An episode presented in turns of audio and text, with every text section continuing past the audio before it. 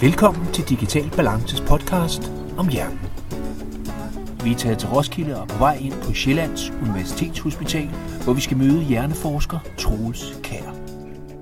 Jeg hedder Troels Kær, jeg er hjerneforsker, jeg er overlæge på Sjællands Universitetshospital på neurologisk afdeling, og jeg er professor på Københavns Universitet. Jeg interesserer mig for hjernen og hvordan den virker. Og tak fordi vi må komme, Troels. Vi har jo nogle øh, korte spørgsmål her, inden vi også får stillet nogle spørgsmål fra de unge omkring hjernen. De var meget benovet over, at de kunne få lov til at være med til at stille spørgsmål til en hjerneforsker. Men øh, egentlig udgangspunktet for vores øh, perspektiv, det er, at i det moderne og digitale samfund, der skal vores hjerner håndtere stadig større mængder af information. Og især unges hjerner, hvordan påvirker det med tanke på, at de har jo et stigende forbrug af digitale og sociale medier? Vores hjerner kan godt lide at blive brugt, og jo mere vi bruger dem, jo bedre sådan set. Det, der er problemet med digitale medier, det er, at øh, det er tit ukontrollabelt. Der kommer voldsomme mængder af ting, som vi ikke lige var forberedt på, og som kommer måske ud af en sammenhæng. Så øh, hvor hjernen har godt af at blive brugt, så har hjernen også godt af at kunne se en mening. Og øh, det, der er lidt med de digitale medier, det er at nogle gange, så er det altså bare noget vås. Og øh, det her med, at øh, der er meget, en hjerne skal håndtere, men hvordan kan den blive slidt, eller bliver den slidt ligesom andre dele af vores krop? Man kan sige, at nogle dele af vores krop øh, bliver slidt, når vi bruger dem meget. For eksempel en, en hofte, der har været brugt meget, den kan man øh, få gigt i. Øh, hvis vi bruger vores muskler, så har de sådan set godt af det. De bliver større og kraftigere, og det, det gælder også lidt hjernen. Så hjernen kan ikke bruges for meget. Den skal sådan set bare bruges. Øh, og det, der er vigtigt for os, det er, at vi ikke oplever udbrændthed, at vi oplever manglende fokus, at vi oplever, at øh, belønningscentret, som er med til at drive det hele, kun fokuserer på beskeder fra øh, Facebook eller øh, de andre digitale medier, men at den øh, sørger for at få belønning for alt det, der gør os til hele mennesker. Også at være sammen med andre mennesker. Husk at spise løbetur. Mm. Man kan sige, at belønningssystemet er et netværk, der ligger dybt i, i krybdyrshjernen, og det består af, af forskellige områder, der er bundet sammen. Og øh, der er øh, et område, der betjener sig af dopamin, øh, ventral striatum, øh, nucleus accumbens, øh, som er øh, det her med enten at få en belønning, eller endnu mere forventning om en belønning. Lige om lidt vinder jeg det her spil, mm. øh, øh, det kan give rigtig meget dopamin. Øh, men der er også andre dele af vores belønningscenter. Vores belønningscenter har for eksempel også områder, øh, som giver os øh, belønning for fysisk aktivitet, øh, som giver os øh, negativ belønning, altså sådan, hey, pas på, det her, det kunne være farligt. Øh, og, og det, man skal huske, det er, at øh, ligegyldigt, hvad det er, du beskæftiger dig med, så går det ned og henter nogen, noget motivation, øh, noget drivkraft øh, i belønningscenteret. Mm. Og det er klart, øh, at har belønningscenteret travlt med at drive øh, en eller anden game, eller et eller andet øh, øh, like, eller et eller andet øh,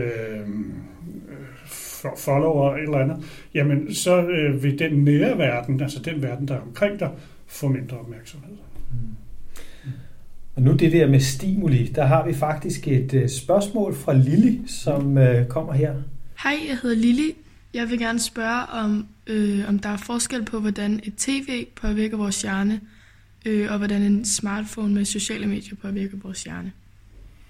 Man kan sige, at både et tv og et smartphone øh, har jo det problem, at øh, det er noget, som øh, kommer meget voldsomt ind. Altså det er, det er på en skærm, det er lige foran os, og der er lyd med. Øhm, man kan sige, at tv er nok øh, lidt mindre skadeligt, fordi det er øh, envejs. Altså, du kan ikke interagere med tv, du kan ikke være med til at bestemme det. Men når vi er med vores smartphone på nettet, jamen så går vi jo ud og skaber en virkelighed og laver om på den virkelighed. Skriver til folk, og folk skriver tilbage, og og på den måde er det endnu nemmere at blive indfanget øh, af smartphone. Og nu det der med at blive indfanget, Troels, altså digitale og sociale medier ved vi nu efterhånden er designet til at fange vores opmærksomhed og også fastholde den. Øh, kan vi hjælpe vores hjerne til ikke at blive styret af disse teknologier? Man kan sige, at teknologierne er, som du siger, optimeret. Dem, der laver dem, de skal jo sælge reklamer, eller have brugere, eller hvad det nu er, de skal. Øh, og, og derfor har de jo af god grund øh, optimeret med hensyn til det. Øh. Derfor er det sværere for dig, øh, men, men selvfølgelig kan du.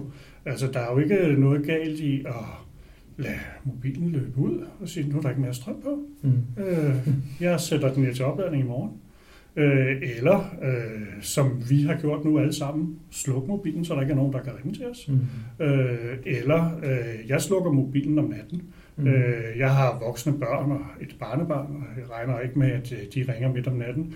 Omvendt, min kone, hun har den altid tændt, fordi hun synes, at man skal kunne komme i kontakt med mm. Og øh, der er forskellige holdninger her.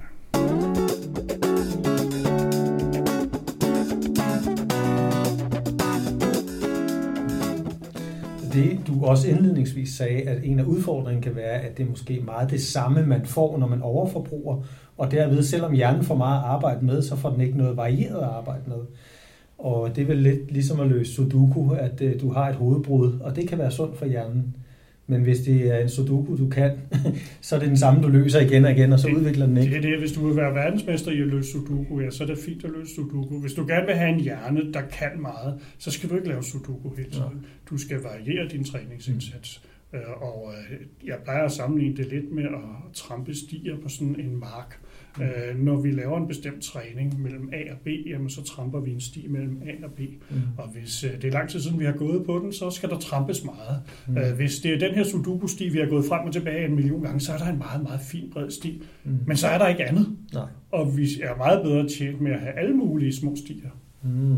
Så hjernen skal udfordres?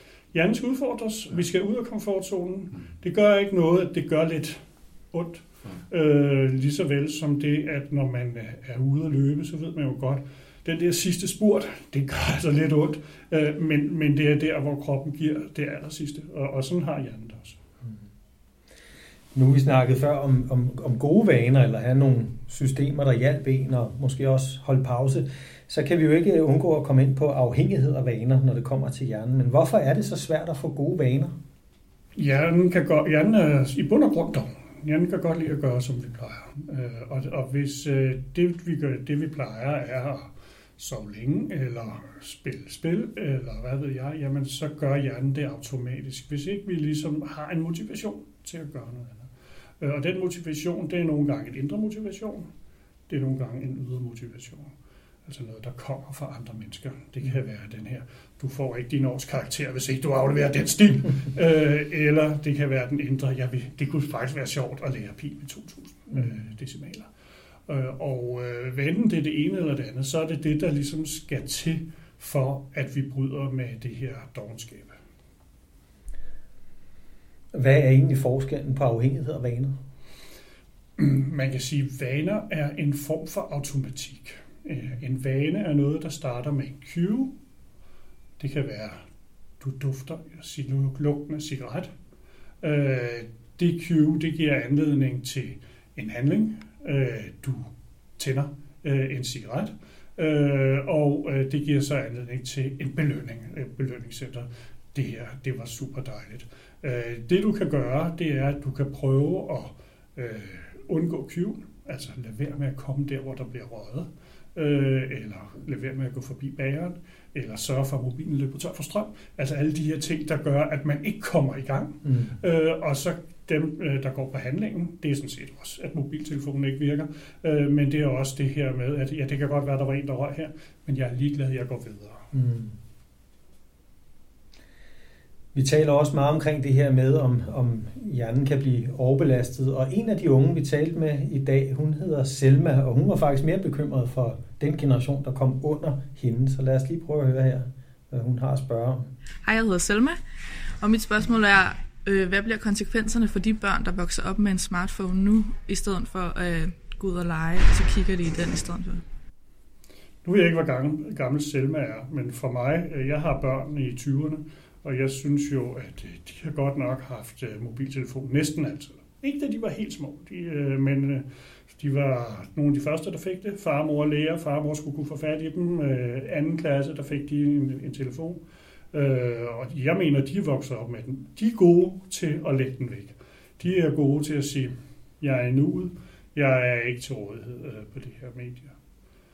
selvom det er far, der ringer. Men det er så sådan der. Øh, det er selvfølgelig, som Selma påpeger, et problem, hvis øh, det skrider sådan, at den verden, der er den virtuelle verden, bliver den vigtige verden, øh, og at den fysiske verden omkring os bliver sekundær. Så, så får man nok ikke leget nok, så får man nok ikke holdt i hånden nok, så får man nok ikke givet krammer. Mm. Og lidt modsat det her med, hvad sker der rent faktisk konkret i hjernen, når vi holder pauser? Fordi nu har vi snakket meget om det at være aktiv og få informationer, men hvad, hvad sker der egentlig, når vi holder pause? Altså, ligger tingene væk? Det er vigtigt for hjernen, at den stopper op en gang imellem. Altså, at vi siger, hey, nu er der lige en break. Og det er jo specielt, hvis vi skal yde et eller andet stort, at vi så siger, jamen, øh, nu øh, skal jeg lige koncentrere mig om ingenting, eller det, jeg skal i gang med, og så skal telefonen slukkes, og jeg skal ikke snakke med nogen, osv. osv. Øh, det er nok noget, vi som moderne mennesker har lidt svært ved at huske at tage de her pauser. Men, men igen, det er noget, der kan læres. Det er noget, man kan sige en gang i timen. Man kan sikkert også få en app, der siger, hold en pause, ligesom man kan få en app, der hedder rejs dig fra sofaen, eller mm. drik et glas vand, øh, hvor man kan sige, at teknologien hjælper os hen til det. I den naturlige af alle verdener, der er det os selv, der leverer den drivkraft, der skal til. Mm. Og hvis vi ikke holder pauser, vi ser jo et samfund, som er designet til at bringe os lidt ud af balance. Stress er en folkesygdom. Øh, det kunne tyde på, at vi generelt set, inden vi snakker digitale og sociale medier, er meget aktive, sådan rent øh, øh, aktivitetsmæssigt, øh, hjernemæssigt og relationsmæssigt, og måske også overaktive, at selve pausen er jo meget nedprioriteret. Og mange unge, vi taler med, de øh, vil altid vælge at kigge på telefonen, hvis de ventede på bussen, tog en tur i toget, eller ikke lige havde noget at lave en halv time. Mm. Og det er vel ikke en pause? Det er ikke en pause, øh, bestemt ikke. Øh, det, der udgør en pause for dig, det er nok individuelt, fordi hvis man for eksempel, lad os sige, man sidder i et storrumskontor, man lukker øjnene, man tager brillerne af, man sidder måske sådan her, så signalerer man en pause. Man signalerer også, at man har tjekket ud fra fællesskabet. Øh, man signalerer også, at jeg arbejder ikke øh, lige nu. Så øh, derfor er der mange, der undgår den situation. Så det at skabe et miljø, hvor det faktisk er okay at tjekke ud øh, et kort øjeblik, det er nok forudsætningen for, at det kan lade sig gøre. Så kan man selvfølgelig godt sidde ved bussen og holde pause, men det bliver aldrig en rigtig pause, for man kigger hele tiden på, om den der bus kommer, så man ikke misser den. Jeg har kun én gang prøvet at sidde på en station, hvor der kun gik tog en gang i timen, og jeg sad bare og tænkte på alt muligt. Og så jeg nåede lige akkurat ikke det første tog, og det næste tog, det smuttede, fordi jeg sad og tænkte, lige pludselig var der gået to timer, før jeg kom videre fra den station. Der kan man sige, der pauserede jeg simpelthen for meget. Mm. Så vi kan også komme i en situation, hvor pausen fylder det hele, mm. og vi glemmer at bevare fokus på hverdagen.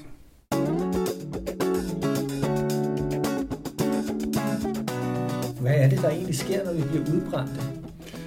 Når man bliver udbrændt, så er der en ubalance i hjernen. Øh, den kan være på mange måder, men sådan den, den helt klassiske PTSD, altså posttraumatisk stress, hvor man har været i en situation, man måske godt har kunne lide, eller måske har været lidt presset over, øh, hvor man skulle top-performe. Øh, den er jo øh, præget af, at øh, man øh, har visse dele af belønningssystemet meget øh, tæt, Øh, og øh, når, det bliver, når det tager overhånd, når det kommer over, så vil der være andre dele af hjernen, blandt andet hippocampus, som bruges til at huske med, øh, som bliver nedprioriteret. Så, så ser man på en, der, der ligesom er kammet over med posttraumatisk stress, så vil man kunne se en øh, amygdala, der er blevet for stor, og en hippocampus, der er skrumpet. Altså simpelthen ikke bare en funktionsubalance, men en strukturændring i hjernen. Amygdala er en vigtig del af belønningssystemet. Det er det, der giver os den her meget hurtige, meget uspecifikke advarsel om, der er noget på færre. Det kan være en pind på stien og siger, det kan være en slange. Det kunne det godt. Det er højst usandsynligt, det er en slange, men øh, den tager ikke nogen øh, risiko, og, og derved så tager den måske og, og reagerer for hurtigt og for voldsomt. Øh, og øh, hippocampus er omvendt et område, som hjælper os med at lave korttidsudkommelse til langtidsudkommelse, og når vi er påvirket vores hippocampus, så føler vi, at vi kan ikke huske noget. Og det, der jo netop kendetegner stresssituationen, det er et, man farer op af ingenting. Øh, to, man føler, man ikke kan huske noget. Så den her ubalance mellem amygdala og hippocampus er utrolig vigtig. Hmm. Ja. Men altså det, jeg tager med, og det er sådan en helt nysgerrighed, der opstår under det her, det er det her med, at hjernen på den ene side er doven og godt kan lide vaner, Mm. Og på den anden side, så øh, gør den det jo for at mindske belastning eller springe over, hvor gaden er lavest.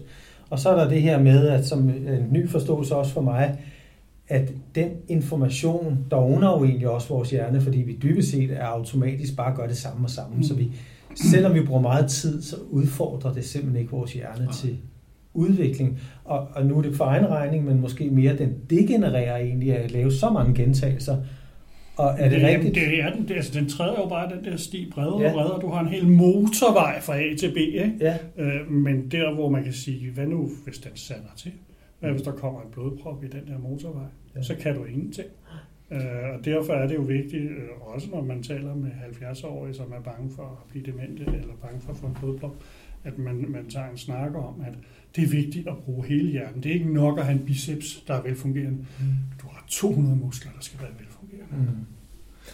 Jeg tænker faktisk også på, Troels, når du siger det der med, at, at vores hjerne er egentlig sund at blive brugt, eller den har godt af det, øh, og så netop som de her digitale og sociale medier øh, er designet, så er det jo egentlig det samme, vi får. For de ved, Michael kan lide det, Troels kan lide det, og Carsten kan lide det. Ikke? Altså, Ja. ja. så, så vi får egentlig ikke trådt en ny sti, selvom Ja, vi hele ja. tiden får noget nyt. Ikke? Nej, altså, de, de skal bare have dig til at blive længst muligt. ja. Øh, så øh, hvis det, du godt kan lide, er sudoku, så sådan får du får flere sudokuer, som er lige på det niveau, hvor du gerne vil have dem. ja. Og hvis du er sådan en, der godt kan lide at vinde hver gang, så sørger de for at lave dem lidt lette. Mm. Hvis du er sådan en, der siger, det må gerne være lidt svært, så laver de dem lidt svære. Ja. Øh, og øh, det, der er jo virkelig er interessant, det er, at hjernen lærer jo ikke noget af det, der er meget let.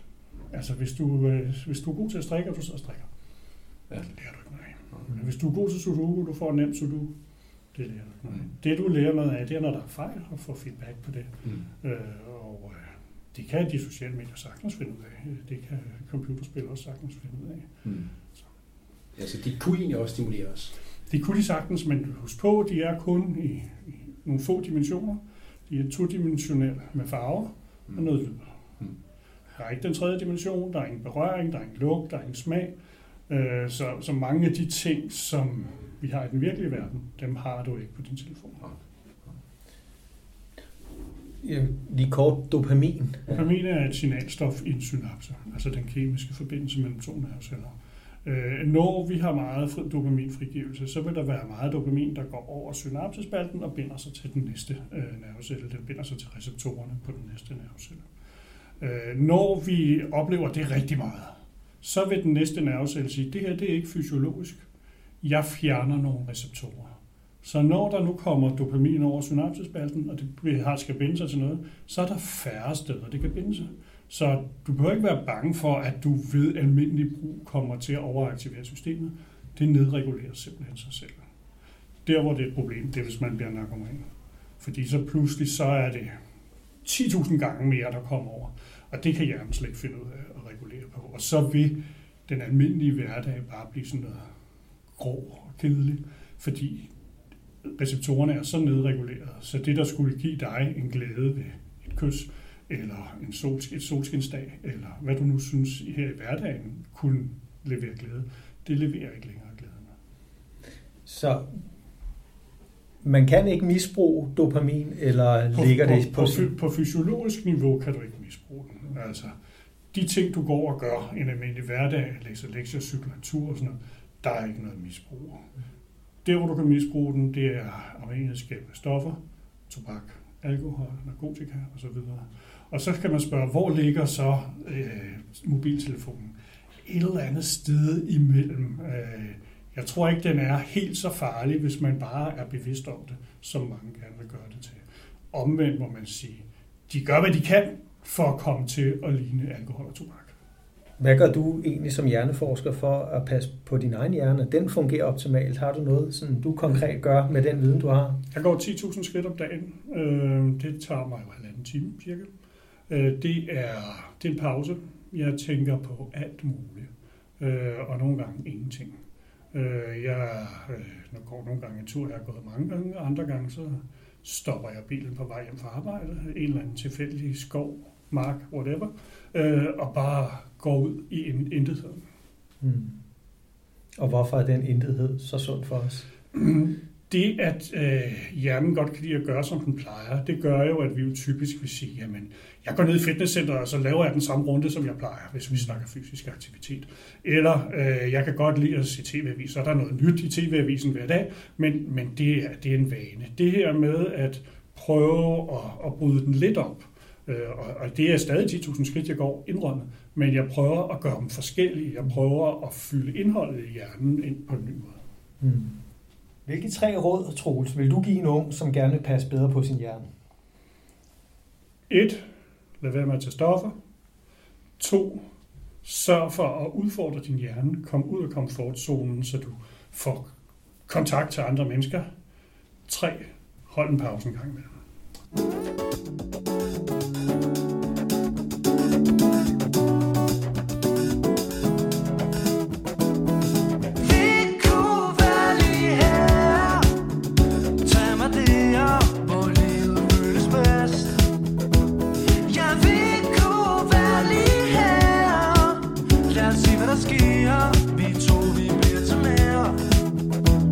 lyttet til Lyden af Digital Balance. Tak til hjerneforsker Troels Kær. Tak fordi du lyttede med.